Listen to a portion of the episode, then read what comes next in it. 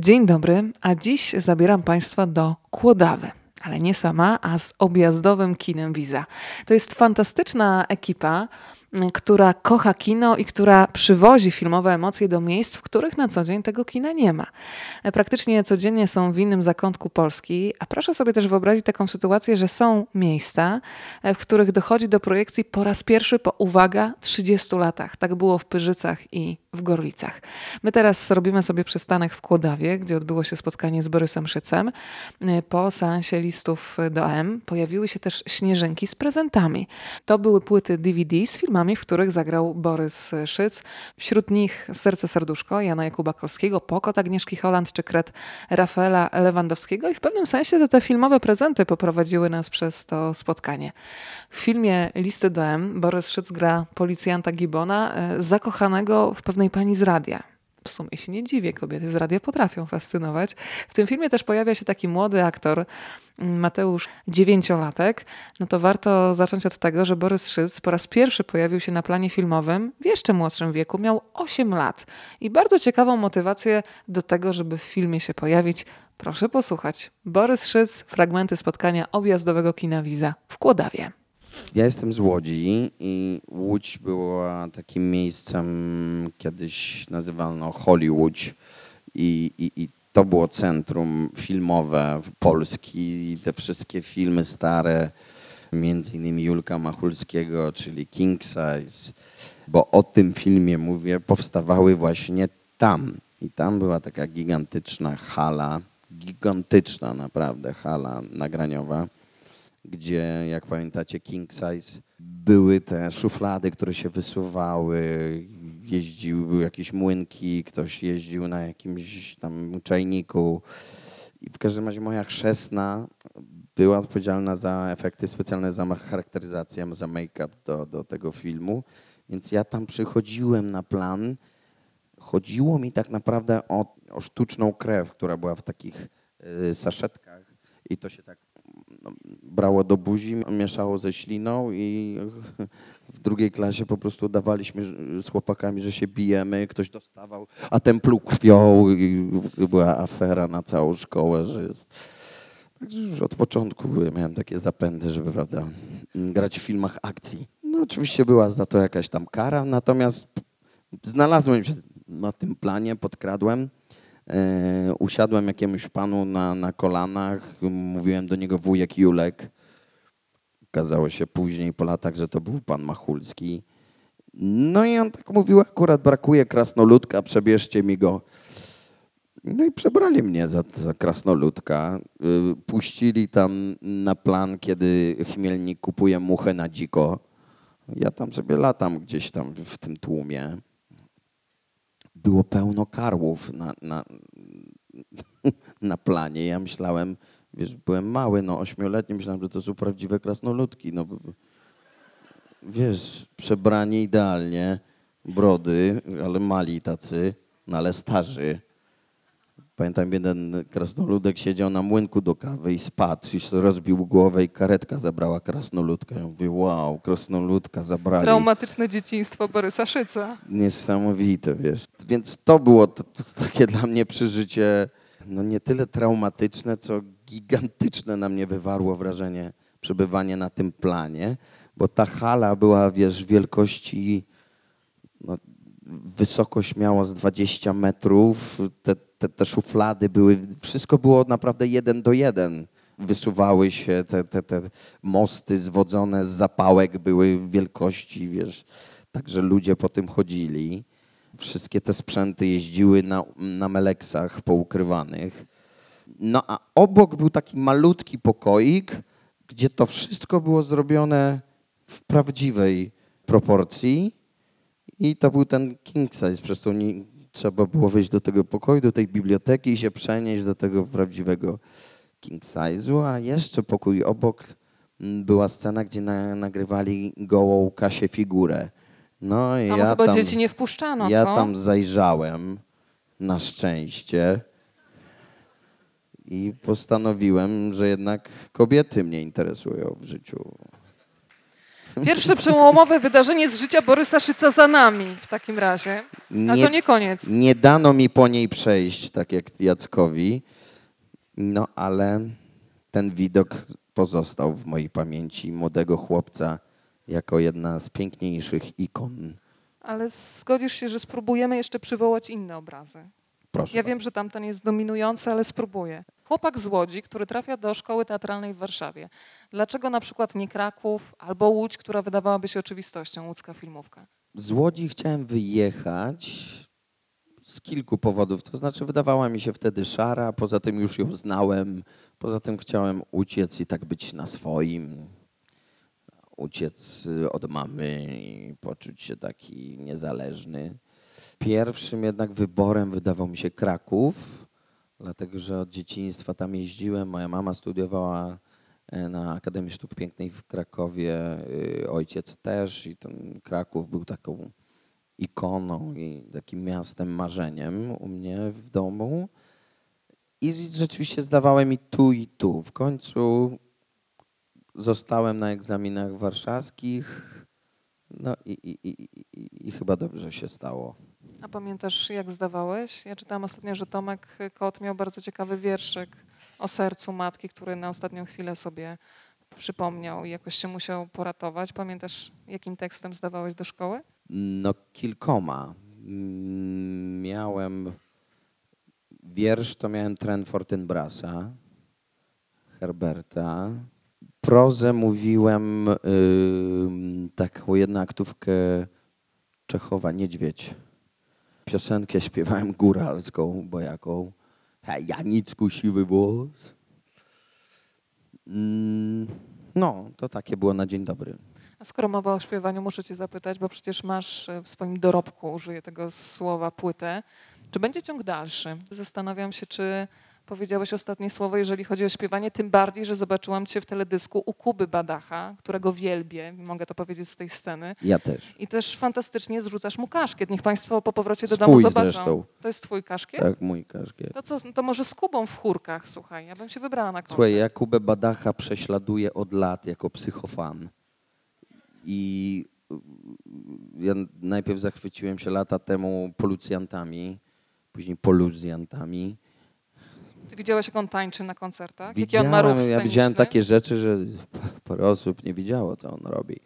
Także ym, my się gdzieś tam, powiedzmy, przyjaźnimy, kolegujemy, no i ale takim psychofanem byłem i, i prześladowałem go na tych koncertach. Siedziałem w pierwszym rzędzie, stałem i czekałem, czy on na mnie spojrzy. Ja wtedy, że mikrofon chcę, że ja też. No i czasem mi pozwalał i to takie trochę było żenujące, ale... No ale przynajmniej wiesz, pośpiewałem sobie Na tym trochę. koncercie szkoda, że mnie nie było, ale będę chodzić teraz wytrwale na lepiej, kolejne. że nie. Natomiast chęć śpiewania była u mnie zawsze i te ile? Osiem lat temu nagrałem płytę Feeling Good, pokłosie inspiracji i miłości do Prince'a. Uwielbiam funk i, i, i- i stąd się wzięła film. Też z Jamesa Browna taka parafraza Feeling Good. No i tak, o no, zobaczymy. Ja śpiewam cały czas sobie w domu, to tu, to tam. Moja córka teraz śpiewa i ma piękny głos. Spróbujemy go namówić, jak będziemy wracać z Kłodawy do Warszawy, żeby pośpiewał w busie. To będzie naprawdę wesoły autobus. W takim razie objazdowe kino widza śpiewające.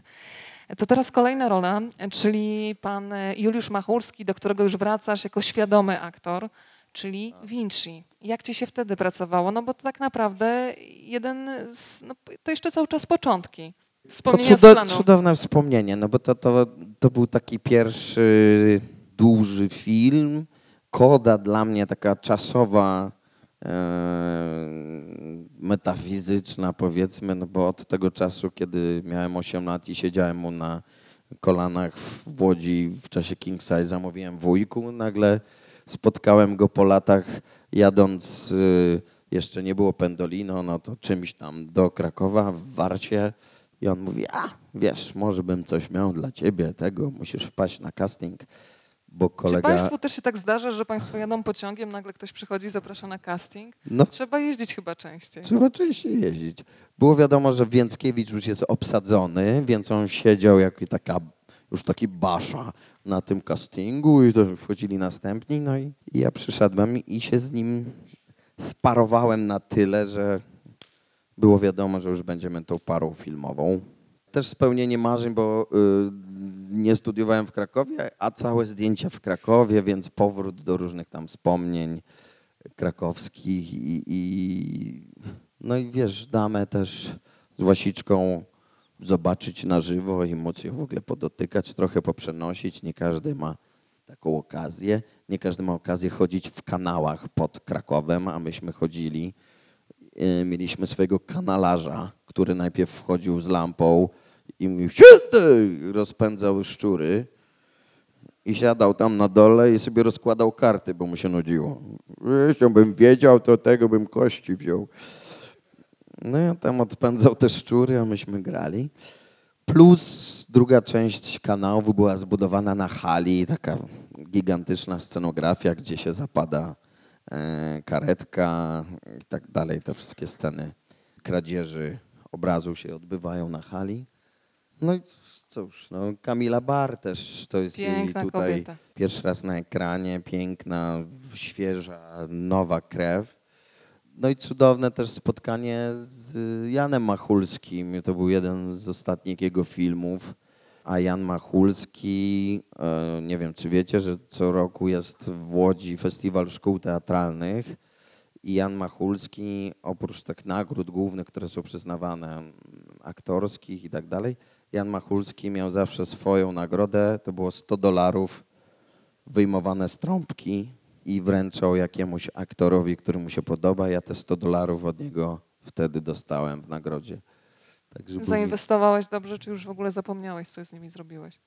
Zapomniałem oczywiście, że jak idiota wydałem to od razu gdzieś na Piotrkowskiej w którymś barze.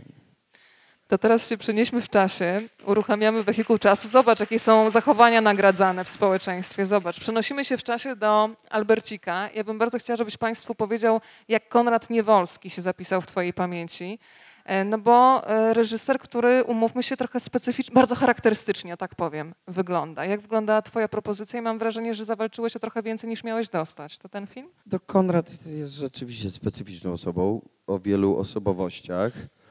Yy, Tu historia była taka, że mm, przed tym zrobiłem teatr telewizji z Krystyną Jandą i z Jerzym Szturem. Byłeś ich dzieckiem, prawda? Porozmawiajmy o życiu i śmierci. No, dzieck, no tak, W dzieckiem. tej sztuce. Byłem ich synem yy, i, i po tym teatrze telewizji tak w ogóle mi się ruszyło, że tak powiem, ten nazwisko zaczęło być bardziej znane. I on mi zaproponował rolę właśnie, którą zagrał Andrzej Andrzejewski później z Borka. Ale ja przyszedłem i pokazałem mu ten teatr telewizji i on powiedział, o to nie, to zagrasz Albercika. No i tak powstał Albercik, zaczęliśmy kombinować, jak ma wyglądać, jak ma się zachowywać. Poszedłem do sklepu z ciuchami na wagę, wynalazłem swój kreszowy dres i zyskałem ksywę bomboniera na planie, bo on był dosyć kolorowy. To był też wesoły czas.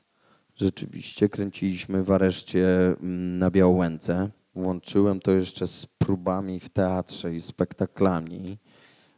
Wynajęto nam jedną ostatnią na korytarzu celę, 14 metrów kwadratowych. Tam się mieściła kamera i, my. O pierwszą noc poprosiłem, żeby nas zostawili w Pierdlu i nas zostawili. Było wesoło. Zrozumiałem, że wolę tam przyjeżdżać jako aktor. kolejne doświadczenie, które uformowało Borysa Szyca. To jak ta bomboniera, bo tak powiedziałeś o tej ksywce, jak bomboniera przepoczwarza się w silnego. Bo kiedy przyszedł do ciebie Ksawery Żoławski, podobno dość krytycznym wzrokiem cię zmierzył. To było tak, że przyszedł ze scenariuszem do mnie, spotkaliśmy się koło Teatru Współczesnego, jest Plac Zbawiciela taki, i tam jest takie sushi. I się spotkaliśmy tam i on mi tak położył scenariusz, masz, chcę, żebyś to grał, tylko ty nie wyglądasz jak silny. Nie wiem, czy sobie zdajesz sprawę. No, no, no może nie, no nie wiem. No, więc zaczynasz właśnie treningi, dietę i tak dalej. I tak się zaczęły moje tortury. Trzy ponad miesięczne, prawie półroczne. Codziennie dwie godziny treningów, stricte dieta. Równocześnie odbywały się próby do tego filmu jak się kończyły te trzy miesiące ćwiczeń nad ciałem, ćwiczeń nad tekstem, który był bardzo trudny, jeszcze cały czas miałem włosy i po tych trzech miesiącach na którejś próbie ja powiedziałem, dobra, golimy się. Ogoliliśmy się i nagle pusz, stał się silny, bo już miałem i to ciało i mówiłem tak jak silny, także był taki rodzaj cudu mm, na próbie i za chwilę zaczęliśmy zdjęcia. Drodzy Państwo, kto z Państwa posiada film Kret? Proszę się powymieniać. Mam w ogóle propozycję, żeby Państwo się też tak w środowisku bardziej połączyli. Na przykład wieczory sąsiedzkie. Raz przychodzimy na Kretę do sąsiadów A, potem do sąsiadów B na serce serduszko. E, Ja nie ukrywam, że to jest jeden z moich ulubionych filmów z Twoim udziałem, Borys. E, I zazdroszczę Ci spotkania z Marianem Dziędzielem, bo mam wrażenie, że w tym filmie było bardzo dużo takiego spokoju, spokojnych środków, a jednocześnie to jest tak mocny film. Zobaczyłam go po siedmiu latach i w ogóle stwierdzam, że jest bardzo aktualny.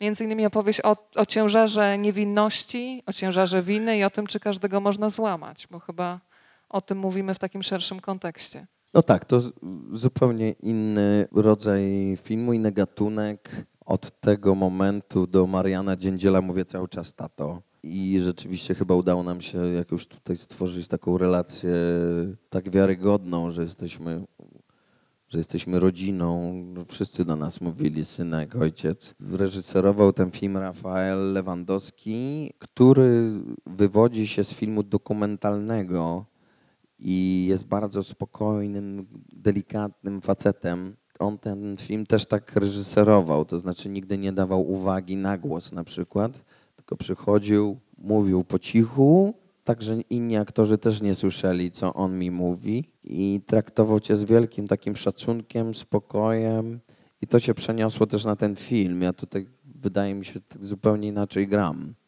Są te środki aktorskie bardzo ograniczone, zdjęte. Co szczerze mówiąc, w- czasie kręcenia nawet mnie irytowało, że ja tak czułem, że nie dają mi pograć, że mnie blokują. No, ale okazało się, że, że, że, że miał rację. A później któregoś ranka leżę, szósta rano, dostaję telefon, dzwoni Rafael. Mówię, co za idiota, szóstej rano mnie budzi po prostu. On mówi, cześć, dzwonię właśnie z Montrealu, właśnie Catherine Deneuve wręcza ci nagrodę za najlepszą rolę męską na festiwalu filmowym. Mówię, Nie wiem, czy to mi się śni, czy to... No i tak było rzeczywiście.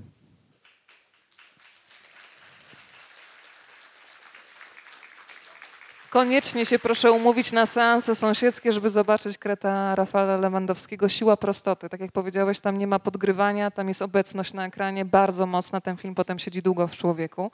I Państw- też się dzieje w kopalni i wokół kopalni.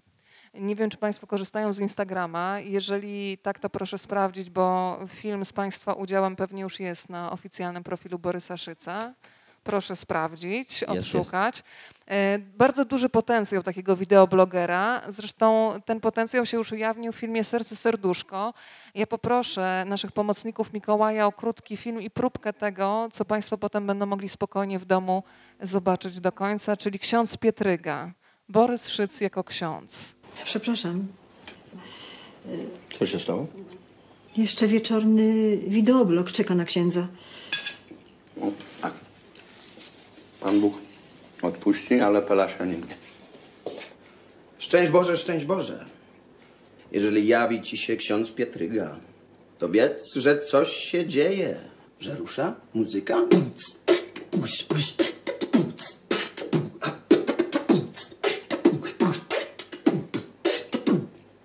Jeżeli córki w tatuażach ręka, myśl, że to jakaś piekielna męka. Mówisz, że słucha za głośnej muzyki, a co ma biedna robić? Oglądać myszkę Miki? Jeśli na co dzień chodzi ciągle w moro, to będzie jej ciepło i nie będzie chorą. I nie martw się. Masz jeszcze jakieś problemy? Chcesz o nich powiedzieć Panu Bogu? To przyjdź do kościoła i przynieś złotówkę na dachówkę, bo nam dach przecieka, a teraz uciekam, bo mam gości z daleka. Znajdziesz mnie na Twitterze albo na Facebooku, albo w okno plebanii po prostu stuku puku. Amen. Coś mi się wydaje, że Kłodawa potrzebuje na plebanii nowego księdza, księdza Pietrygi. Myślę, że musisz tam zastukać na plebanie i cię przyjmą z otwartymi ramionami. Możemy, wiesz, wyjeżdżając na plebanie zajrzeć. Będziesz miał wideobloga z Kłodawy. Oczywiście, no nie ma sprawy. Nie ma sprawy. Proszę donieść, komu potrzeba, że jest zgoda, jest potencjał. Jak wspominasz ten plan? Bo Jan Jakub Kolski też y, taki reżyser, który ma w sobie dużo spokoju i ten jego sposób opowiadania w serce, serduszko też jest taki jasny, ciepły. Rzadko coś takiego się pojawia w kinie. Tak, to prawda.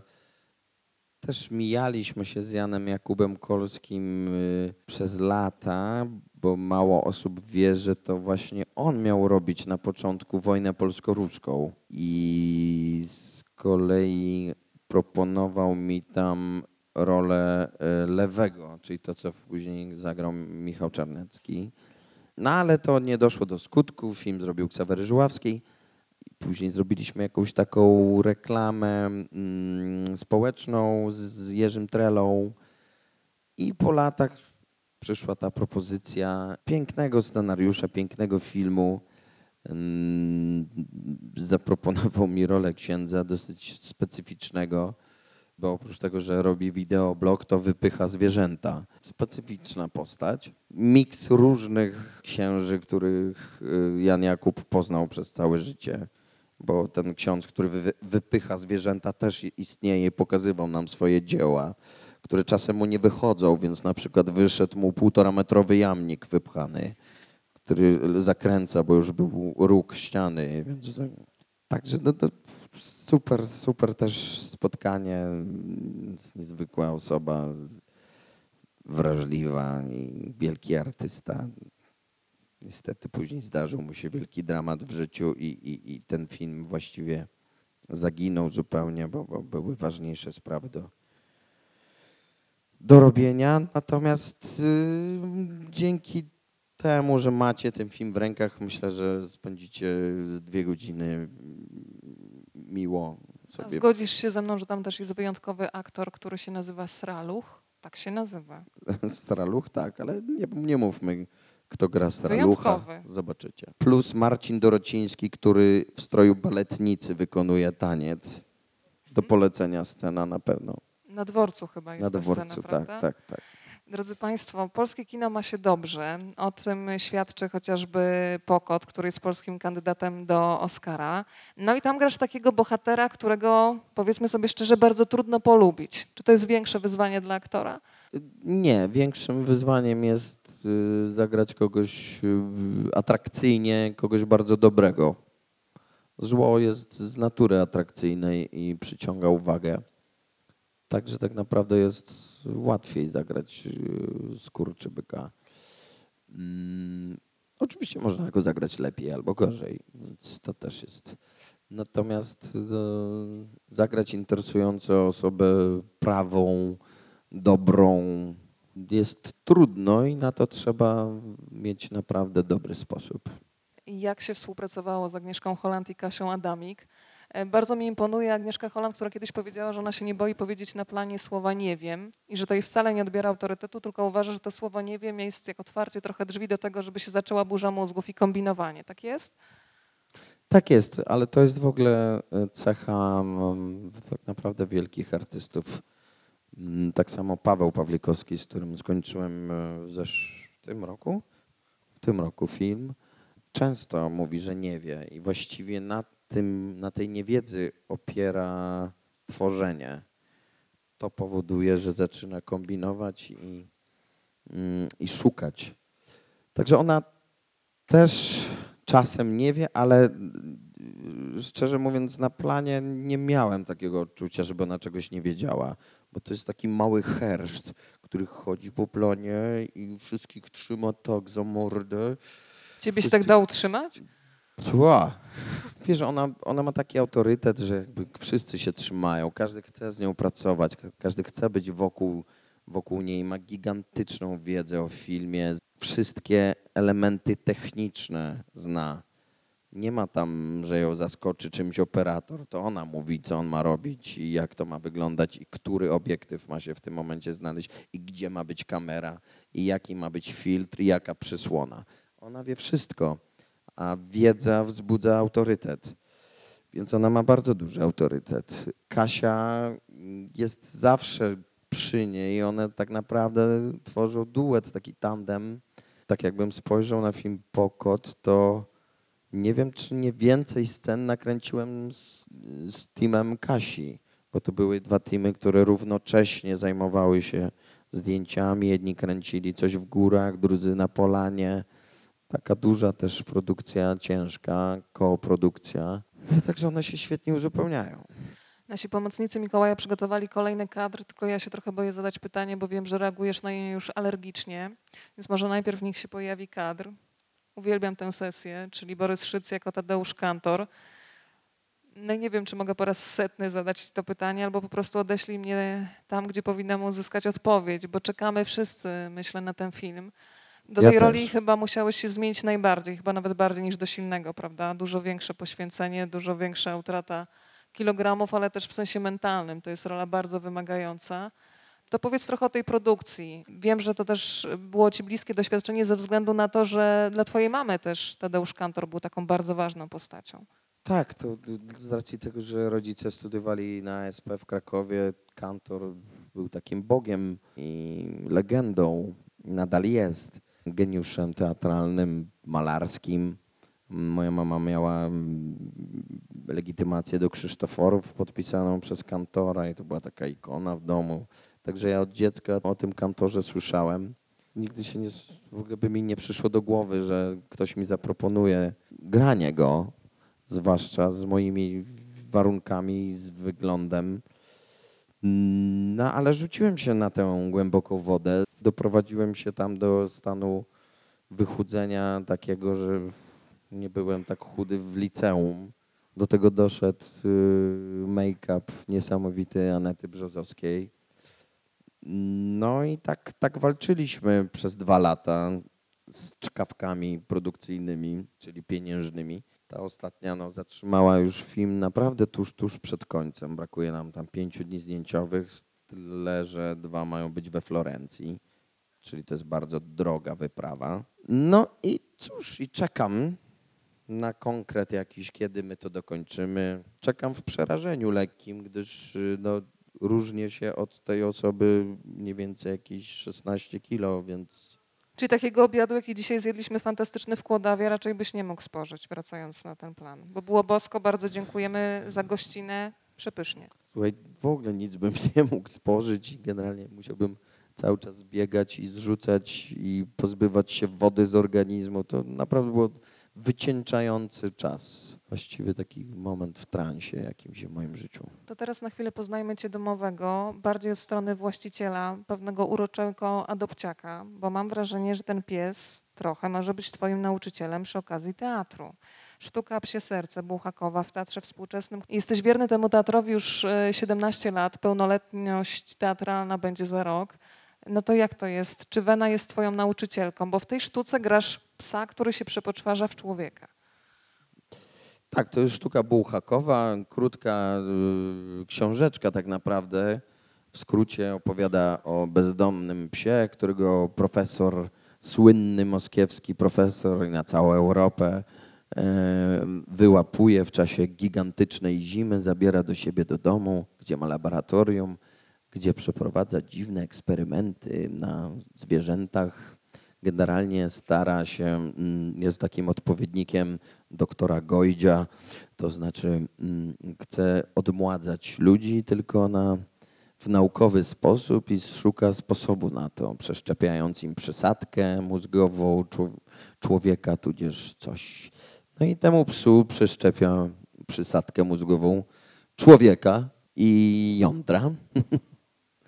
I z tego miłego psa, który został wyłapany, super psiaka, nagle zaczyna się pojawiać dziwny stwór, bo nie sprawdzili od kogo biorą te jądra i przysadkę, a wzięli od najgorszego skurczybyka pijoka, który spędzał życie grając na bałałajce i chlejąc wszystko, co się da wypić i kradnąc. No i ten miły psiak zaczyna się zmieniać w klimat Czugunkina i wkraczać na salony jako taki ham, no jak się domyślacie, potworne skutki, niszcząc ten uporządkowany świat i cały dom. Nie chcę całości opowiedzieć, przyjedźcie do Teatru Współczesnego. Rzeczywiście muszę tam mm, odbyć całą transformację od psa do człowieka i z powrotem. To teraz jeszcze Cię zapytam o Puszczę Białowieską. Yy, oglądałam znowu na Instagramie, Państwo mogą dołączyć do grona obserwujących. Moment, kiedy cytując tutaj zainteresowanego, powiedziałeś, że pakujesz ciepłe gacie, bierzesz mały plecaczek i jedziesz pod namiot, ale w bardzo konkretnym celu. I to pokazuje, że popularność też można wykorzystać w dobrej sprawie. Projekt do ostatniego drzewa, spotkanie z Adasiem Wajrakiem. Yy, przyjechałeś, zobaczyłeś, i co się zadziało tam na miejscu, Puszcza Białowieska? Zacząłem od spędzenia nocy samemu w puszczy, bo byłem typowym mieszczuchem, to znaczy jeździłem od dziecka. Ja mam działkę nad Pilicą, Spała, te okolice Tomaszów Mazowieckich, więc to nie tak, że byłem tylko w, w blokach, wśród cegieł całe życie. Natomiast yy, tak naprawdę nie byłem wcześniej w Puszczy Białowieskiej i ten cały spór, który się toczy wokół Puszczy, ja wyszedłem z założenia takiego, że nikt się w to tak naprawdę nie chce zaangażować, albo tak naprawdę go to mało obchodzi, bo przede wszystkim nawet nie wie, gdzie ona do końca jest.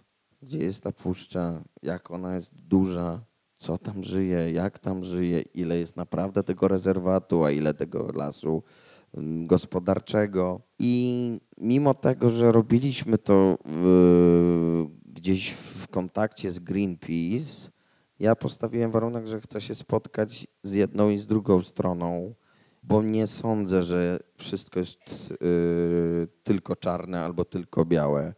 Są dwie strony medalu i każdy ma swoje racje. Więc pojechaliśmy, miał być to ośmiominutowy dokument, a wyszło nam ponad pół godziny rozmów zarówno z leśnikami, jak i z ludźmi z Greenpeace, chodzenia po tej puszczy, patrzenia, co się naprawdę dzieje, rozmawiania ze służbą leśną, z lasami państwowymi. Nic nie jest czarno-białe. Jedno, co jest pewne, stała się puszcza narzędziem politycznym, a w ogóle nie do tego jest przeznaczona. I to utrudnia w ogóle rozmowę o tym. Bo jak ktoś chce bronić puszczy, to znaczy, że już jest przeciwko i w ogóle jest albo lewakiem, albo jak jest po drugiej stronie, to jest prawakiem.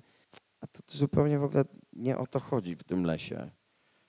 I moim przesłaniem i tego filmu miało być pojedź tam do tego lasu, przejdź się, wstań o 5 rano, idź w tej ciszy, zobacz żubra, i zobacz o co chodzi tym ludziom, którzy mówią, żeby nic nie ruszać. I zobacz na własne oczy, jak jest gospodarowany las przez tych, którzy mówią, że trzeba go gospodarować i człowiek jest tam niezwykle potrzebny. Ten wybór niech będzie po waszej stronie, ale żeby ten wybór był, to nie da rady tak sobie powiedzieć, y, zmienić sobie stronę na Facebooku, zdjęcie profilowe, teraz jestem albo zielony, albo jestem z siekierą. Jedźcie tam, zobaczcie. Mówił do Państwa Borys Szyc. To były fragmenty objazdowego kina Wiza w Kłodawie. Ta rozmowa toczyła się w Gminnym Ośrodku Kultury. Wielkie ukłony dla Pana Pawła, który jest dyrektorem tego miejsca. Za ogromną gościnność i otwartość to są takie sprawy, które na długo potem zostają w moim sercu. Bardzo też chciałam podziękować i cieszę się, że ktoś wymyślił takie małe, ale bardzo pojemne słowo, jak dziękuję, całej ekipie objazdowego Kina Wiza. Przede wszystkim Pawłowi Adamskiemu, który zaprosił mnie do tego. Dziękuję Iwie, Adrianowi, Sabinie, Pawłowi, wszystkim, z którymi przegadałam sporo czasu w busie w trasie do Kłodawy. Opowiadaliśmy sobie o ulubionych książkach, filmach, takich y, emocjach, które w nas siedzą i bardzo lubię taką wymianę wrażliwości w podróży. Ukłon też w stronę Piotrka, bez którego nie byłoby tego nagrania dla Państwa, bo to Piotrek zadbał o tę techniczną stronę, żeby wszystko było dobrze podłączone i żeby można było zarejestrować e, to spotkanie. Mocno kibicuję temu projektowi, bo wierzę, że kino ma w sobie niezwykłą moc uruchamiania emocji, otwierania wyobraźni. Warto przy tej okazji wspomnieć, że często z małych miejscowości pochodzą reżyserzy czy aktorzy, którzy potem gdzieś w historii kina zapisują się na stałe przypomnę, na przykład Krzysztof Kieślowski pochodził z Sokołowska. Strzelce Opolskie to z kolei miejscowość, którą możemy powiązać z Arkiem Jakubikiem. E, Wkrótce, a to wkrótce to już w przyszłym tygodniu, kolejna odsłona objazdowego kina Wiza, przystanek w Brodnicy. Tam miałam ogromną przyjemność spotkania się z Jerzym Górskim, czyli pierwowzorem postaci granej przez Kubę Gierszała w filmie Najlepszy. To przed nami. Dobrego weekendu i do usłyszenia.